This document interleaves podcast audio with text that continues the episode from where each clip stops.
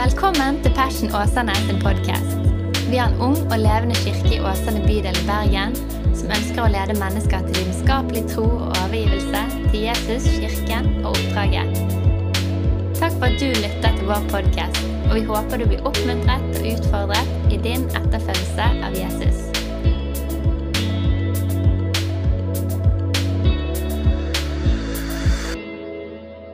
Du, er dere klar for Guds ord? Bra! Da kan jeg få opp eh, sliden min. Du, eh, I dag eh, så har jo flere fått med seg hva jeg allerede skal snakke om. før jeg har begynt å snakke om det. Og Jeg har bare lyst til å beklage på forhånd at jeg egentlig har tre taler i én tale. Så dette er litt massivt, det her, så det kan være at det går litt fort underveis.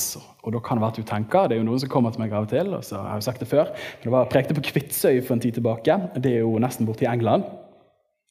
Og så var det en som kom til meg etterpå og sa eh, 'Hvordan puster du?' Og så sa jeg nei, jeg har, eh, jeg har sånne gjeller. Men så jeg vet det. Du, du snakker med munnen, så puster du med ørene. Eh, så dette, Hvis jeg skal snakke fortere enn det jeg vanligvis gjør, så håper jeg at det går bra. Hvis ikke, så har jo podkast-avspillingen. Hvis du synes det fort, så kan du ta den på 0,5. Har du prøvd det noen gang? Ta på sånn 0,5. Da høres det ut som de har fått i seg noe de ikke burde ha fått i seg. Eh, Så sånn er det. Men uansett, godt å være her. Du, I dag så skal vi snakke om det bildet illustrerer. Jeg har også lyst til å bare beklage for at eh, den estetiske presentasjonen eh, den er ikke helt til stede i dag. Han er mer informativ enn vakker. Eh, Men sånn er det av og til. I dag så skal vi snakke om eh, dette deilige ordet, nemlig tiende. Og eh, I Det gamle testamentet så står det flere ganger om denne praksisen her, men i 3. Mosebok 2730 så står det, og det bare summerer det opp All tienden i landet, enten det er av jordens grøde eller trærnes frukt, tilhører Herren. Den er hellig for Herren. Og Da er det altså tiende som er tema, og så satte jeg det i parentes når jeg forberedte meg. Tabu-tiende. For det tror jeg vi alle kan av og til erfare når vi snakker om disse tingene her. Jeg ber en bønn. Jesus, jeg ber om at du kommer og hjelper meg å formidle det som jeg tror ditt ord sier. Og så ber jeg om at du åpner våre hjerter, Herre. At vi ikke skal få lov til å høre kirkelige tradisjoner og bare menneskelige overleveringer. Men jeg ber om at vi skal få lov til å høre ditt ord sin tidløse veiledning for vår økonomi, til velsignelse for verden og til din ære, Herre. I navnet Jesus Kristus. Og så ber vi om at vi skal legge over budsjett i året som kommer. Amen. Du, Hadde du stilt meg spørsmålet Daniel, hva er det du minst har lyst til å preke om? Så reflekterte jeg litt rundt det denne uken. her, så kom jeg på Det første jeg ville nok tenkt, var kristen seksualetikk. Og Det handler jo ikke om at jeg ikke tror på det Bibelen sier. Tvert imot, jeg tror mer på det enn noen gang. Bare vet at det har ikke den største valutakursen i vår samtid å, snakke om den kristne seksualetikken. Det kan vi være enig i. for Så vidt. Så det er det første. Det andre, jeg ville ikke snakket om menn og kvinners ulikhet og komplementerende funksjon, som Bibelen løfter opp. For det heller er liksom ikke det feteste du kan snakke om i dag. Ser noen smiler, så er noen sint. Neida. Og det tredje jeg ikke hadde hatt lyst til å snakke om, er tiende. For dette er litt ubehagelig. da. Men i dag så gjør jeg akkurat det. Snakke om tiende. Så får vi ta de to andre temaene senere. Og Det er nok flere som har kjent på akkurat det. For jeg tenker gjennom min kristne tid, der jeg har vandret med Jesus og min aktivitet i menighet Jeg har bare én gang i løpet av hele min kristne reise hørt en tale som utelukkende handlet om tiende. Og Det var min ungdomspastor i tenårene, som het Håvard Berger. Han prekte om tiende. Aldri hørt om det på en søndagsgudstjeneste. Og jeg husker Han presenterte et bilde for oss der han sa du ser for deg en pappa som har en melkesjokolade med ti biter. Og Så gir han den til ungen sin. Og så sier pappaen du forresten, kan jeg få smake én bit av de ti bitene. Og vi alle bare sånn Så klart! Det var jo ikke din sjokolade i utgangspunktet, så du bør jo bare være happy at du fikk den. Kommer aldri til å glemme det bildet. Så det brente seg fast. Men det er nesten ironisk at jeg har utdannet meg innenfor teologi. Jeg hadde ikke én forelesning i løpet av de årene som handlet om Bibels lære om penger. Og I løpet av de årene jeg studerte teologi og til å bli pastor, så hadde ikke vi én undervisningstime om hvordan snakke om givertjeneste i det kristne fellesskapet. Er ikke det nesten bare ironisk? Med tanke på at hele den frikirkelige modellen bygger på den faste givertjenesten. Så det er mange som ikke liker å snakke om de tingene her. Da. Men det som er sikkert er at vi ikke kan leve på tidligere generasjoner sin undervisning og praksis på dette området. Så vi er nødt til å snakke om det for enhver tid. Du, Ifølge en amerikansk organisasjon som heter altså USA de har organisasjoner for alt, men heter Christian Stewardship Association. Du er sikkert medlem der. I 1899 så påpekte de at det fantes en bokliste som het 'Tiding and Systematic Proportionate Giving', med over 500 titler. Altså I 1899 så var det mange bøker på det kristne bokmarkedet i USA som handlet om den kristnes givertjeneste og tiendepraksisen. Men så påpeker de da var det mange færre bøker på markedet på det tidspunktet. Men i dag, der det er utrolig mange flere bøker som produseres og skrives, ikke minst i kristen sammenheng, så er det et svenende lite prosentantall som faktisk handler om økonomi og den kristne givertjenesten. Det er interessant. Så det er at i takt med at vår velstand har økt, så skrives det færre bøker og det snakkes mindre om vårt forhold til penger. Er ikke det tankevekkende i seg sjøl? Og jeg vil jo påstå at sammen med sex så er cash is king. Det er den store avguden i verden. Og Jesus, det han snakker mest om, er jo faktisk penger. Det skulle ikke du tro hvis du hadde sammenlignet det med forkynnelsen. Men det er òg innvendinger mot tienden. Og det er jo ikke bare dumme innvendinger, men bl.a. som at kristne er ikke under loven, så vi trenger ikke å gi tiende. Det er ingen prester og levitter i dag, det er jo bare pastorer og sånt, og de er jo ikke like seriøse. Så det at vi tror på det allmenne prestedømmet. Eller man sier at tiende nevnes ikke i Det nye testamentet i forbindelse med det å gi. Eller pastoren og menigheten har misbrukt tienden altfor mye opp gjennom tiden, så vi trenger ikke å gi den. Eller alt jeg eier, tilhører Herren, så jeg trenger ikke å gi tiende. Men på samme tid så har kristne gjennom århundrer og årtusener praktisert denne hellige vanen av å gi 10% Og da ikke bare pga. at de følte sånn for det, men pga. at ut ifra bibelteksten var de overbevist om å gjøre det. Så spørsmålet jeg har lyst til å stille i dag, er gjelder tiende for kristne i dag? Come on. Takk. og jeg tror Vi skal faktisk åpne spørsmålet litt mer gjelder det for kristne i dag, og heller stille spørsmålet hva sier Bibelen om tiende? For det er jo egentlig det som er interessant. Hva sier Guds ord om dette her? Og Da begynner vi den ambisiøse reisen, nemlig hva sier Bibelen om tienden? Og Det første stedet vi er nødt til å gå da, er til Det gamle testamentet. Første gangen vi møter på tienden, er faktisk før loven. Det er når vi møter Abraham. Han har vært i et slag. Og så leser vi i 1. Mosebok 14, 18, at det kommer en fyr med det frekke navnet Melkisedek, som vi vurderte før Joel, som var konge i Salem. Han kom til han med brød og vin. Og Han var prest for den høyeste Gud. Han velsignet han og sa, 'Velsignet være Abraham av den høyeste Gud, han som eier himmel og jord.' 'Lovet være den høyeste Gud, han som har overgitt dine fiender i din hånd.' Og så står det, 'Og Abraham ga ham tiende av alt. Abraham ga en tiende av alt. Vi leser om hans barnebarn Jakob i det 28. kapittelet i første Mosebok. At han har møtt Gud i denne drømmen. Han kaller stedet for Betel. Og så sier han helt avslutningsvis Det er jo litt sånn herlig, da. Denne steinen som jeg har satt opp som en minnestøtte, skal være Guds hus. Og så står det Og av alt det du gir meg, skal jeg sannelig gi deg tiende.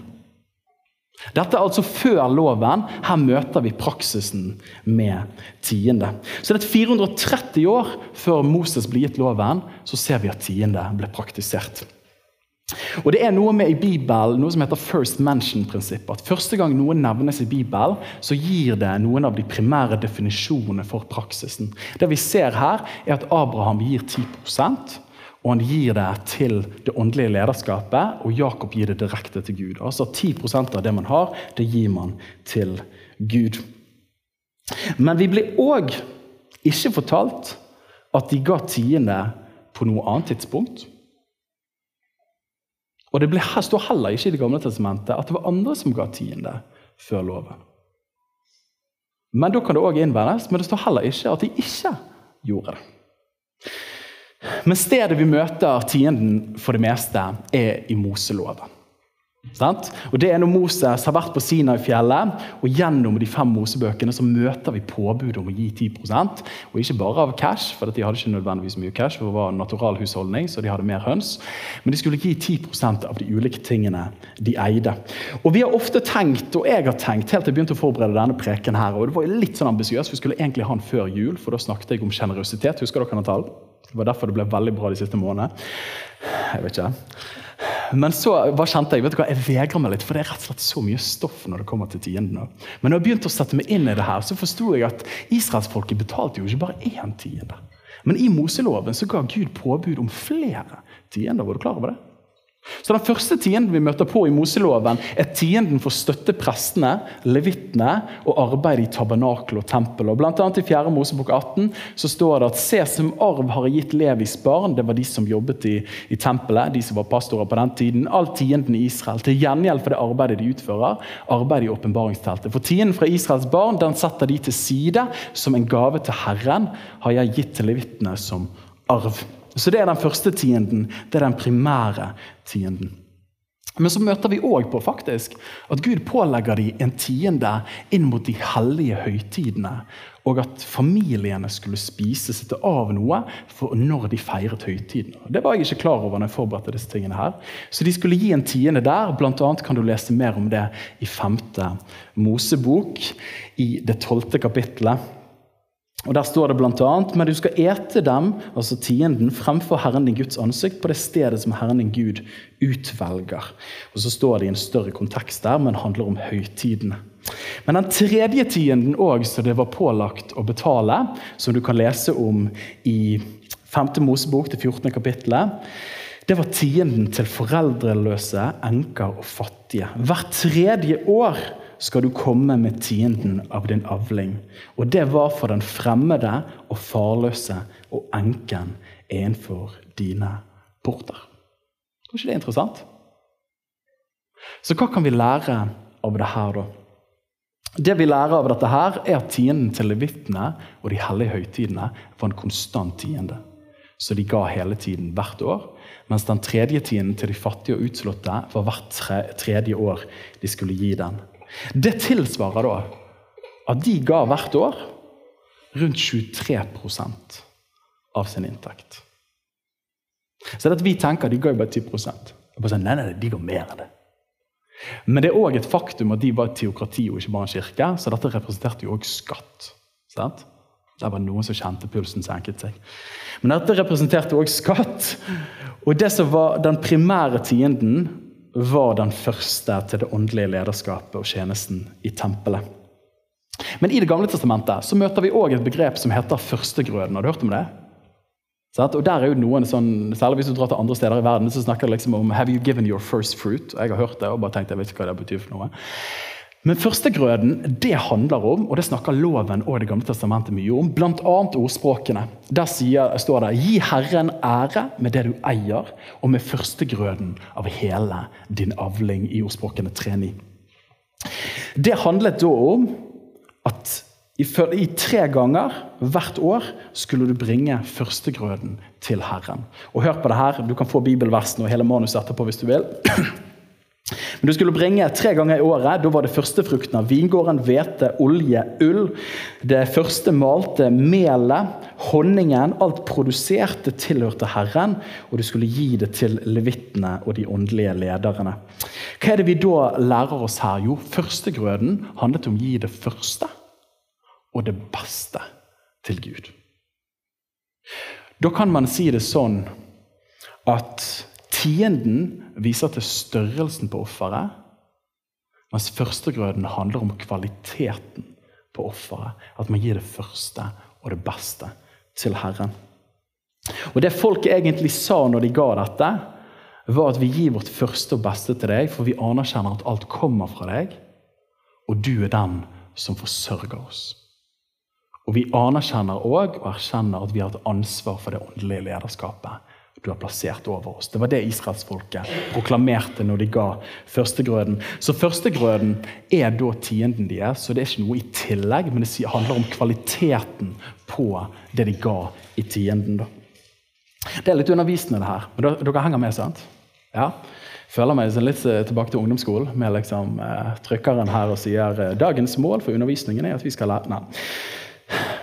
Og Det er jo det samme prinsippet. Tenk på det, For de av oss som tror på tienden, så handler det om at vi gir det første og det beste til Gud og sier Herre, jeg tror at du forsørger meg, jeg tror at du eier alt jeg har, men i tro så gir jeg tilbake til deg og bare anerkjenner at du er min forsørger.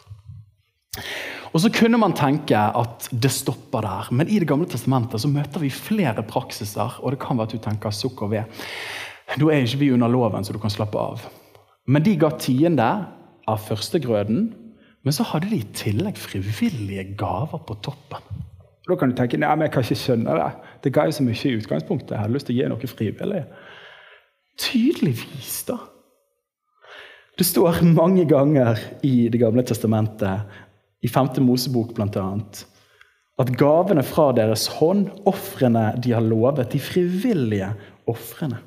Og når jeg satt og leste inn GT nede i kjelleren her, holdt på å svime av, da kom jeg til andre Mosebok, og der står det at Aron og Moses samlet inn frivillige offer til tempelet. Og Der står det noe så hårreisende som dette i 2. Mosebok 36. Slik fortsatte folk å komme til ham med frivillige offer hver morgen. Og så står det at, eh, at noen sier folket bærer fram mye mer enn det som trengs til det arbeidet Herren har befalt oss å gjøre. Og Da kommer Moses banen, og så, og så blir det sånn at slik ble folket holdt tilbake for å komme med noe mer. For alt de hadde tilvirket, var nok til å gjøre alt arbeidet. Det var mer enn nok.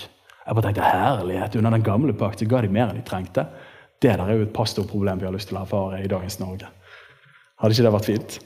Så under loven så ga de òg frivillige gaver.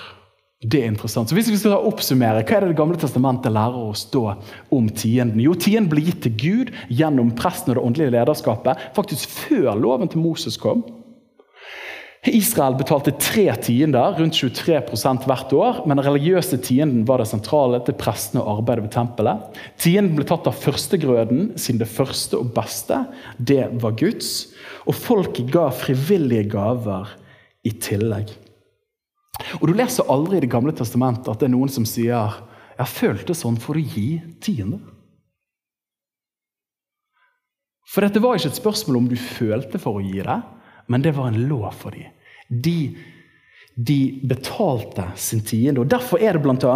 i Det gamle testamentet, når det står om tiende, så står det vel så mye om å tilbakebetale eller bringe inn og ta og føre inn, betale tienden, siden dette var noe som tilhørte Gud, og ikke noe man ga ut av på en måte at jeg føler seg så utrolig for å gi det, men det er mer at han har lagt det på meg. Men på toppen av det så ga de i tillegg frivillige gaver. Da.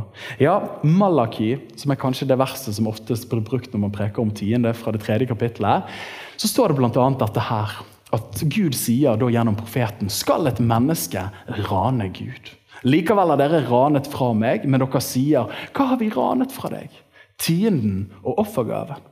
Dere er sannelig forbannet til sterke ord, for dere har ranet fra meg. Ja, det har hele dette folket gjort. Bring hele tienden inn i lagerhuset, så det kan være mat i mitt hus.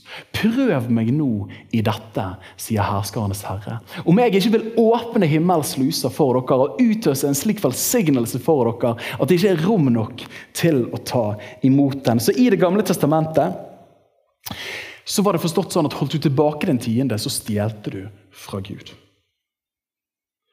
Og Nå har jeg lest bibelboken et par ganger i mitt liv, men jeg har aldri funnet en slik konkret utfordring av Gud noe annet sted. Her sier Gud 'prøv meg'. Jeg har aldri funnet tilsvarende vers der han utfordrer oss på samme måte. Og jeg har heller ikke funnet stedet der han sier at denne utfordringen ikke gjelder. Så tienden var et uttrykk for lydighet mot Gud, mens frivillige gaver det var uttrykk for kjærlighet og velvilje og tilbedelse på toppen av det.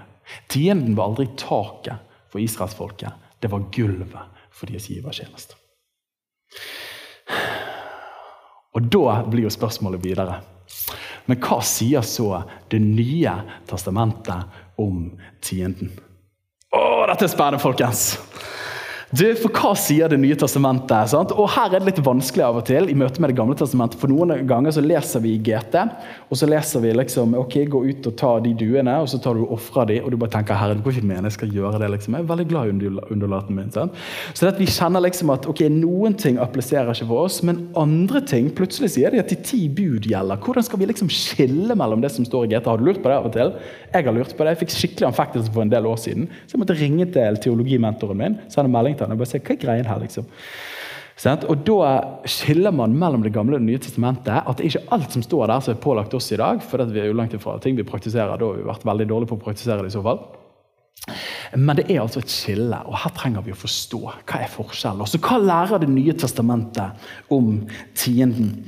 Og Det første vi har lyst til å se på, da, er så klart the main person, Jesus Kristus. Hva er det han lærer oss om tienden? Og Da må det sies at Jesus vokste opp i et jødisk hjem hvor foreldrene hans ville ha praktisert tiende, og der han som en god jødisk gutt ville praktisert tiende. Det gamle testamentet var den eneste bibel han kjente, og han ville ha lært praksisen med tienden derifra. Jesus ble anklaget for temmelig mye av fariseerne, sadukerene og lovlærde. Er ikke vi enige i det? Men det står aldri at han ble anklaget for ikke å gi sin tiende. Interessant. Og Talmud, som er den jødiske, altså det er tilleggsbok til den jødiske toraen, der påpekes det at en som følger loven, ikke skal spise sammen med en som ikke betaler sin tiende. Og Vi leser flere ganger Det står for, forresten i vedtakene til Passion òg. Men det står, det står flere ganger at fariseerne spiste sammen med Jesus. Ok, Da kan man trekke den slutning at de i hvert fall anså han for å betale sin tiende. Men et av de sterkeste ordene i Det nye testamentet for praksisen av tiende har vi fra Jesus sjøl i Matteus 23, 23. Og Du finner det òg i Lukas. Men Der snakker han til de skriftlærde fariseere og refser dem. Og så sier han ved dere skriftlærde og fariseere, dere hyklere. For dere betaler tiende av peppermynte, anis og karve. Men har forsømt det som veier tyngre i loven, retten, barmhjertigheten og troen. Come on, Jesus, that's good. Men så sier han òg det er helt nødvendig at dette gjøres. Altså betaler sin tiende uten at det andre forsømmes. Ok, interessant. Hva prøver du å si her, Jesus? Og, og, Vi kjenner jo Jesus som den kontroversielle Jesus. Det er jo ikke sånn at Når Jesus gikk rundt på jorden, så var han veldig søkervennlig av seg. Og han bare trakk folk til seg og sa jeg opplever det er litt støtende det jeg sier. Jeg kan tone det ned. liksom. Kunne du foretrekke at, at, vi inkluderte litt flere personer av disse tingene her, så kan vi gjøre det. altså. Nei, nei, nei, tvert imot. Jesus var jo ikke redd. sant? Og Leser du Johannes 6, så sier han hei, den som ikke spiser min kropp og drikker mitt blod, han er ikke del av meg. Og folk bare stikker. Og han står og ser på dem. Så snur han seg til disiplene og sier har dere også lyst til å stikke. Og sånn, Jesus, hele your following, liksom. Altså, this is your ministry and business. Og de bare stikker, og du slapper av. Ja, for han var veldig trygg på hva han holdt på med. Du leser bl.a. i Markus det 15. kapittelet, Matteus, mener jeg, der fariseerne kommer til han, og så sier han du, disiplene dine de spiser uten å vaske tennene. Det er skikkelig ekkelt. Korona og greier. sant? Og hva er tingen der? Og så sier Jesus Han brøt jo renhetsforskriftene. Og sier han du, sorry, hvor dum kan du an å være? Det er jo ikke det at fingrene er litt og at du får litt bakterier som gjør deg uren. Det er jo det som kommer ut fra hjertet ditt. Sånn Så Jesus gjør noe med renhetsforskriftene og avskaffer de. Men han gjør aldri det samme i møte med tiden. Interessant. Tvert imot sier han at det er helt nødvendig at dette gjøres. I tillegg til det andre. Hebreabrevet, andre steder vi møter tienden i Det nye testamentet. Her vender vi tilbake til første gang vi møter tienden i bibelboken.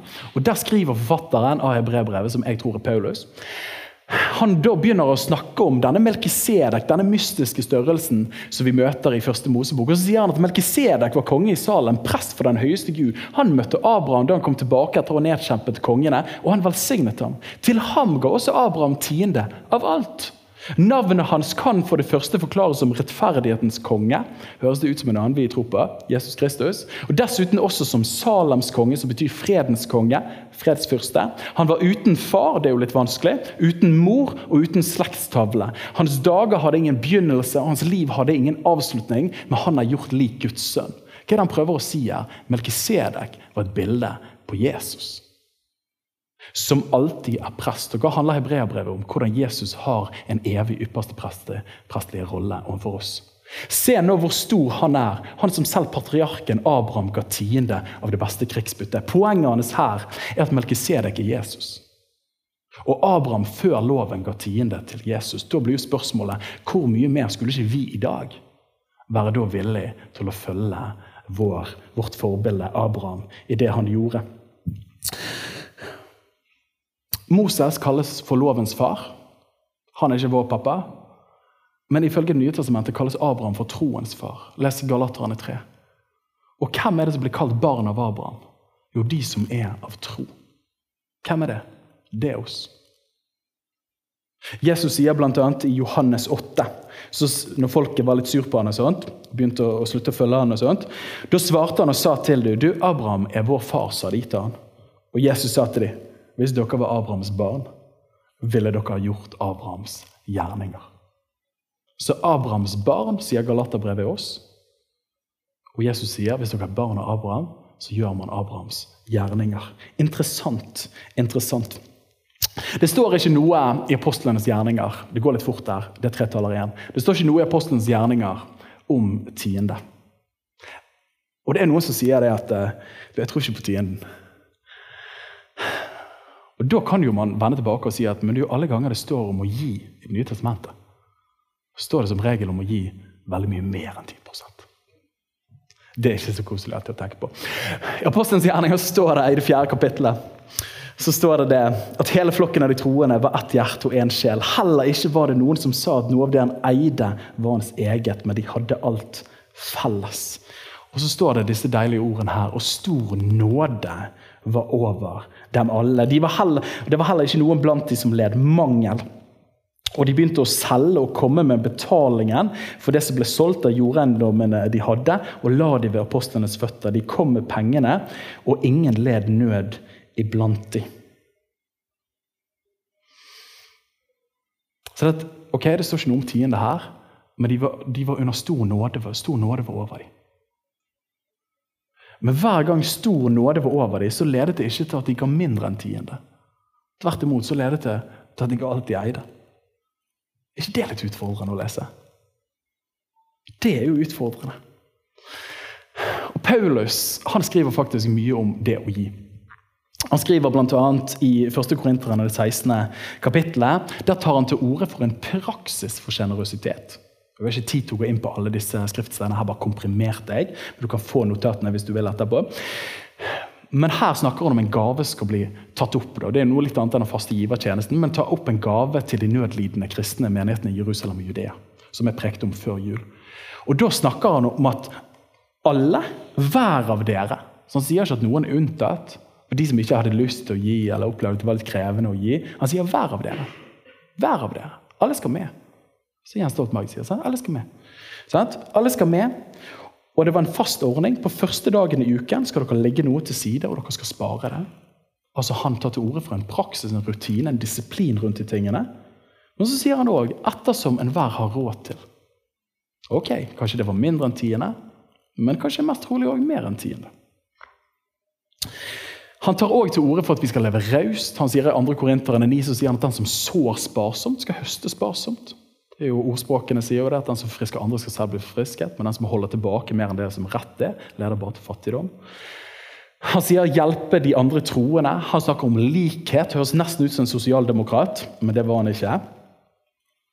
Men han om, snakker om likhet, at noen ganger så er det de som har for mye, og da hjelper de dere. Men nå er det dere som har mye, og da skal dere hjelpe de. Han snakker om at vi skal leve raust, og at vi skal hjelpe andre troende. Han snakker bl.a. om at vi alltid skal huske de fattige apostelmøtet i Jerusalem i Apostelens gjerninger 15. husker dere det? Når Paulus og gjengen kom og sa at du, vi har et skikkelig problem. Det er masse sånne folk som ikke har omskjært seg, som begynner å tro på disse greiene. Hva skal vi gjøre? Og Så blir de enige om at de skal slippe å omskjære seg. Halleluja, sier flere av oss. Eh, også, men det de sa, det var en digresjon. Eh, det de sa, var at de alltid skulle huske på de fattige. Og så sier Paulus i Galaterne og det har jeg alltid vært nøye med å gjøre. Så det snakker han når han snakker om penger. så sier han det. Og så er han veldig tydelig, det står mange steder, bl.a. i 1. Korinterne 9. Og sier han at hvis vi ga dere de åndelige goder, Skylder ikke da dere å ta vare på deres åndelige ledere med de materielle godene? Slik har Herren bestemt i 9.14 at de som forkynner evangeliet, skal leve evangeliet. Kjempetydelig på at menigheten forsørger sine åndelige ledere. Jeg synes Det er litt utfordrende. Det står i 1. Timoteus 5,17. Hør på det her, da. Eldste, altså menighetsledere, som er gode ledere i menigheten, fortjener dobbel belønning. Men de som er gode ledere Det er nesten litt sånn meritokrati. der. Så Hvis du opplever at pastoren er litt dårlig, så er det ikke så nøye. Men hvis de er gode, da skal de få dobbel belønning. Så det er artig. Men han er veldig tydelig på det. da. Så her ser vi litt mønsteret. Ser dere det? Det nye testamentet, Jesus snakker om det, hebreerne snakker om det. Apostelens gjerninger snakker ikke om det. De snakker bare om å gi alt. Og så kommer Paulus, og han snakker aldri om tiende, men han snakker om å leve sjenerøst. Han snakker om å ha en praksis for å gi, han snakker om at vi skal hjelpe andre troende som lider. Jeg tenker ikke minst på åpne dører og det sånne ting. Kjempeviktig. Hjelpe de fattige alltid, men òg forsørge det kristne arbeidet. Og så er det interessant, I møte med Oldkirken, hva var praksisen der? Og Det synes jeg var veldig interessant. Hvordan praktiserte de det? Jo, Irenius, en av de fremste kirkefedrene, som levde i 1.25-2.30, var biskop i Lyon i Sør-Frankrike. Han sa det slik som dette her, at jødene var pålagt en regelmessig utbetaling av tiende. Kristne derimot, som har frihet Oi, interessant. Overdrar alle sine eiendeler til Herren. Og gir fritt ikke bare de mindre delene av sin eiendom, altså 10% siden de har håp om større er det han egentlig sier her? Jo, pga. at vi har fått enda heftigere håp gjennom evangeliet, så gir jo ikke vi de mindre delene. Vi gir enda mer. Utfordrende. Den største kirkefaderen, Augustin, som levde på 300- og 400-tallet i Hippo i Nord-Afrika, dagens Algerie, han sa det slik som dette her. Tiende kreves som gjeld, altså av de kristne, og den som ikke har vært villig til å gi dem, har gjort seg skyldig i ran. Den som derfor ønsker å sikre seg en belønning, la ham gi tiende, og la ham av de ni dele søke å gi almisser. Med andre ord så kommer det tydelig fram at tiende var en praksis som var vedlikeholdt i oldkirken og urkirken. Da kan man innvende og si at det hang igjen rester fra jødedommen. Eller så kan vi være ydmyke nok og tenke at kanskje de hadde sett noe som ikke alltid vi ser. Da blir det store spørsmålet etter å ha sett på dette, men gjelder da tiende for kristne i dag? Og når jeg forberedte dette, her, så måtte jeg slenge ut en liten story på Instagram som noen fikk med seg. Og Det er jo en grunn til at ikke alle er her i dag. Det var spørsmålet. Gleder og gruer meg til å tale om tiende på søndag. Tror du det er en ordning som gjelder kristne i dag? Og jeg ble helt sjokket når jeg så responsen, for jeg tenkte jeg skulle få masse sånne hate-mails. og sånt. Men her var jo 94% sa ja at de trodde det fortsatt var en ordning for kristne i dag og bare 6% sa nei. Og av 403 som så, så var det da 80 som stemte ja, og 5 som stemte nei. Dette er jo ikke empirisk etterprøvbart i den forstand. For dette kan jo man da tenke at det bare var de som var positive, som svarte ja. Og så var det noen jeg så jo på hvem som svarte nei. det er jo folk som ikke liker meg. så, Så jeg bare tuller. Men sant? Eh, det er jo de som var positive. Eller så kan man tenke at jeg bare har superkristne venner. Eller så er faktisk folk overraskende overbevist om denne praksisen i dag blant de unge. Det syns jeg i så fall er veldig oppmuntrende. Og Hva er da givervane blant kristne i dag? Barna Research Group, som er den store kristne gallupgruppen gallup-gruppen i USA, de gjorde en undersøkelse i 2020 som heter The State of Generosity. Og De fant ut at 99% av pastorene påsto at de forsto læren om tienden, mens 36% av kristne sa de var ukjent med konseptet. 37% av kristne sa beløpet de ga, varierte. Det så jo vi på, på grafen her, Mathias. 25% sa at de ikke ga i det hele tatt. Og to av fem, 42 ga i hvert fall tiende. Det betyr jo da implisitt at de fleste aktive gir dem en mindre beløp og mindre forutsigbart. Jeg syns ikke dette var så nedslående tall som jeg hadde fryktet. Og så må vi huske at det er amerikanske tall, og de pleier å være mer sjenerøse enn vi nordmenn. Men det som var i hvert fall utvetydig fra denne undersøkelsen, var at jo mer penger en person tjener, jo mindre sannsynlig er det at vedkommende vil gi 10 Åh!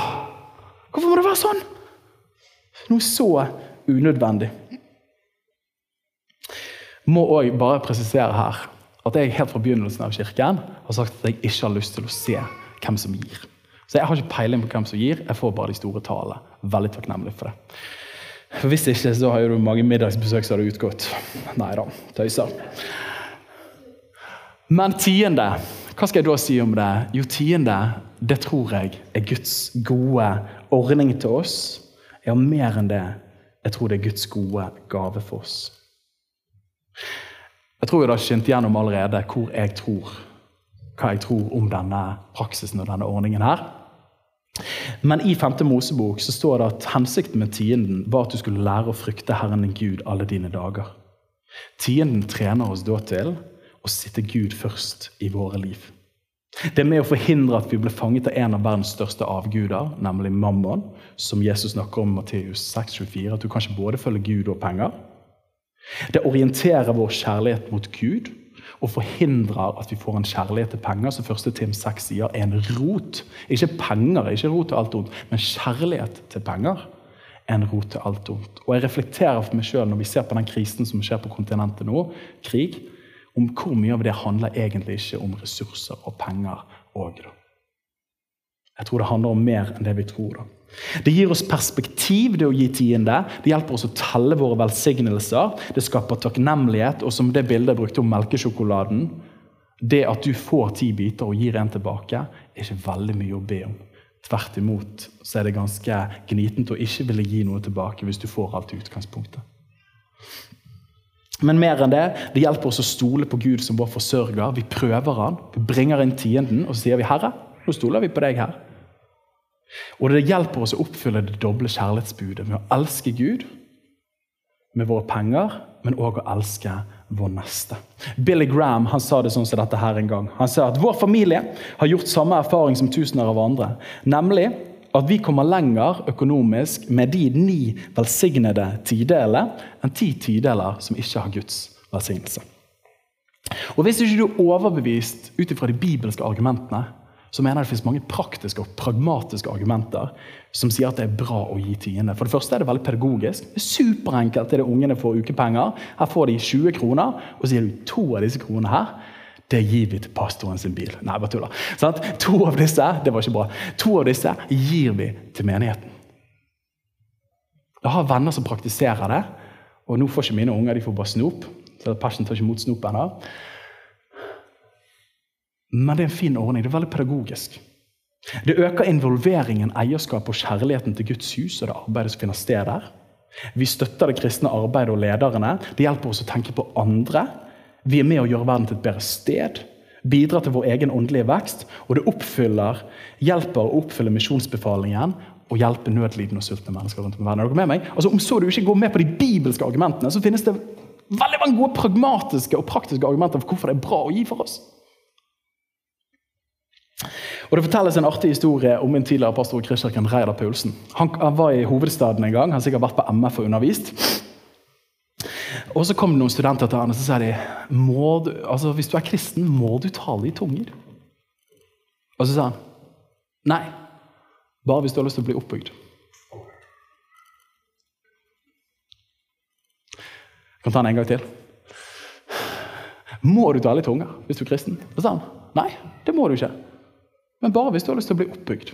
For Bibelen sier jo at den som taler i en tunge, blir oppbygd. En glitrende formulering. Det var en god Reidar-kommentar. Jeg lurer på om vi kan snu det på samme måte og si sånn Hvis du er kristen, har du nødt til å gi tiende? Nei.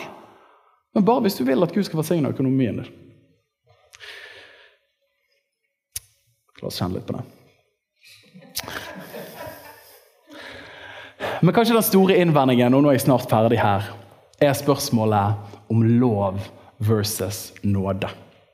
Og jeg mener dette, dette, er en legitim innvending til hele praksisen med tiende. Ok, Vi lever ikke under loven lenger. Han gjaldt under loven, vi under nåden. Det nye testamentet, ifølge Paulus, i hvert fall, han nevner ikke det konkret når han snakker om penger og sjenerøsitet. Hva vil vi da si? Da vil jeg si, for det første, tiende ble praktisert før loven kom. Og hebreerbrevet utfordrer oss på at Melkisedek var et bilde på Jesus. Jeg mener, ok, det, det, er et argument som bør veie for noe. Tiende ble ikke undervist eksplisitt i NT, men det ble heller aldri eksplisitt avvist heller. Jesus tar åpenbart tienden for en selvfølge når han underviser.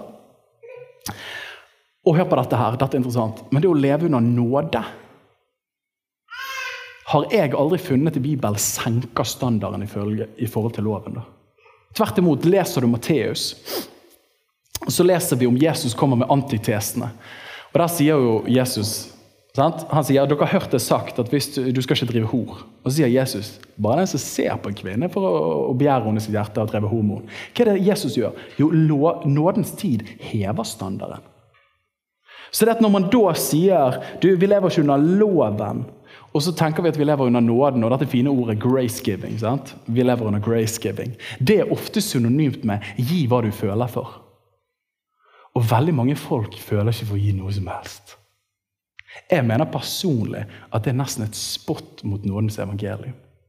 At hvis man er mer sjenerøs under lov enn det man er under evangeliets nåde, det leder nesten til anfektelser. For nåden er jo mer sjenerøs enn loven noen gang kunne være. De første kristne og oldkirken praktiserte tienden. Og det er interessant at kristne gjennom århundrer har praktisert det, og fattige kristne rundt om i verden i dag betaler sin tiende med glede. Mens de som reagerer på denne ordningen, er primært de av oss som lever i Vesten, og som har mer penger enn noen gang.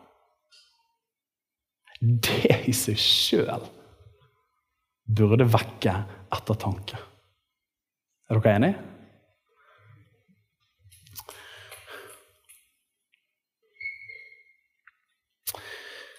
Mitt hovedargument som hjelper meg til å skille her, er at jeg har lyst til å si at vi kristne vi gir ikke tiende som en lov. Men jeg tror det er en god ordning.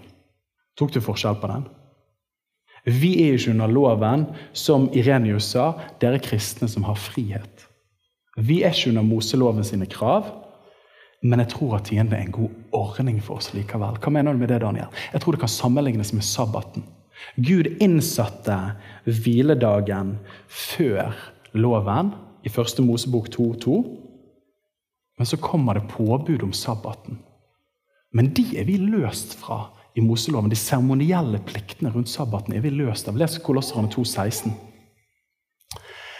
Hva er poenget her? Vi er løst fra å følge de seremonielle faktorene til sabbaten. Så vi er ikke under loven, men det er fortsatt en skaperordning før det var en lovgivning. Tok du den? På samme måte som i begynnelsen, når Gud skapte, så var det dag og natt, det var arbeid, hvile, det var mann og kvinne. Og det er ikke sånn at Hvis du bryter ordningen til å begynne med, så går det skikkelig skeis. Hvis du sover fire timer en natt, så er du død. liksom. Det er, sånn det er ikke sånn det funker. Men hvis du bryter ordningen over tid, så vil det få konsekvenser. Ikke sant? Så hvis du sover lite over flere måneder, så vil du til slutt møte veggen eller få en fatigue eller få en reaksjon. For det er noen ordninger. Det er som Guds gode vilje er som tyngdekraft. Hva er poenget? Vi er ikke under tiende som en lov som kreves av oss. Og det er sånn at Hvis ikke du gir tiende, så sier Gud da skal jeg forbanne deg. Da skal gå skikkelig dårlig. Hater deg. På ingen måte! Men han sier dette er en ordning som jeg har plassert inn i skapelsen. At det er godt for mennesket. Oi! Og Hvis vi går på akkord med den, så vil vi erfare konsekvenser som er uheldige. Og Det handler ikke om at Gud dømmer oss eller er sint på oss. Det er helt enkelt som at her oppe så er det trygt å gå, men det er et fall hvis jeg hopper ned her.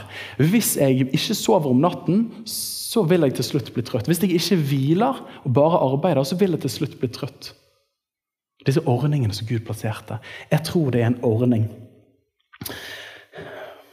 Og da, Et av de siste bildene jeg har lyst til å løfte fram, er at de fleste land har lover om setebelte. Og Det er jo bra med setebelte, men det er jo ikke sånn at når da loven om setebelte kom her i Norge på 70-tallet, eller noe sånt, det var jo ikke slik at det var en sånn en dum idé å bruke setebelte før det ble påbudt. Var det det? Det var jo ikke en dum idé. Men hadde Vegvesenet kommet ut i dag og sagt at vet du hva, hei, hei, du, det er full frihet, vi skal ikke bruke setebelte lenger det er jo ikke sånn jeg hadde sagt til ungene mine Anna Jakob, Joel, det er ikke påbudt lenger. Vi lever i nåden. Vi er fri. Altså Det faller på sin egen urimelighet. En god idé er fortsatt en god idé om man ikke er påbudt eller ikke. Jeg tror tienden er en ordning og ikke en lov for de kristne. Og Ulf Ekman, den svenske kristen, kristenlederen, eh, sa en gang at hvis du opplever at tienden er lovisk, så er det bare å gi 11% Så den kristne er da under nåden. Tiende er da ikke stedet vi stopper, men jeg tror tvert imot det stedet man starter. Det er Guds gode ordning for oss. Og Gjelder da tienden for kristne i dag, så vil jeg si at tienden den hjelper oss ikke som en lov, men som en ordning. Så hvis du går på akkord med ordningen, så leder det til uønskede konsekvenser over, seg, over tid.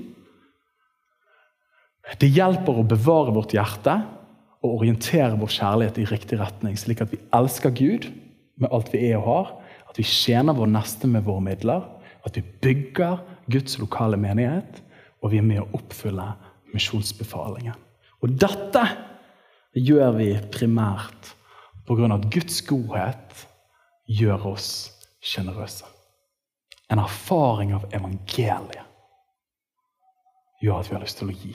Når vi erfarer Han som ga alt, så får vi gi tilbake igjen. Så Et av mine favorittvers i Bibelen sier 2. Korinteren 8,9.: For dere kjenner vår Herre Jesu Kristi nåde, at da han var rik, ble han fattig for deres skyld, for dere ved hans fattigdom skulle bli rike. Hvis Han har gitt oss alt, er det da mye å be om at vi gir òg tilbake av våre jordiske midler?